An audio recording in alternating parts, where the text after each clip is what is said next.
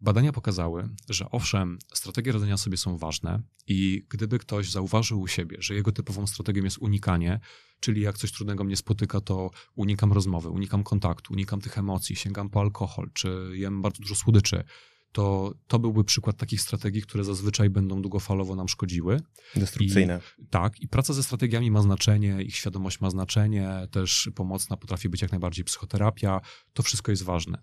Ale wyobraźcie sobie, że w badaniach okazało się, że jeszcze ważniejsze jest to, z czym my w ogóle wchodzimy w sytuację stresową, jakie mamy zasoby. Jaki mamy bagaż. I to jest ten taki przykry aspekt tego, jak nasz świat wygląda. To znaczy, to, czy kryzys spotka mnie wtedy, czy stresujące okoliczności mnie spotkają wtedy, kiedy ja jestem zdrowy, mam wielu przyjaciół, um, mam zasoby ekonomiczne, jestem w stanie szybko zapłacić sobie za jakąś usługę, która jest mi potrzebna. Mhm. Niestety bardzo często to będzie decydowało o tym, czy poradzę sobie lepiej, czy gorzej.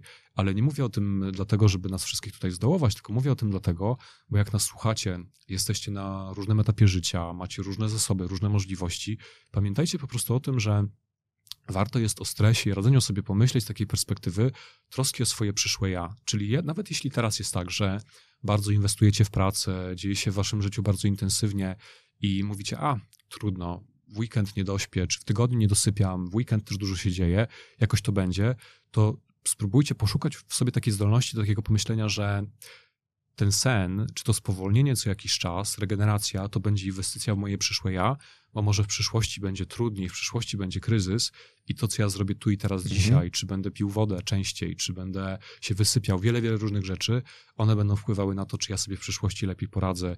I gdybyście mieli wziąć jedną rzecz z tego podcastu, to byłoby naprawdę to, budujcie zasoby.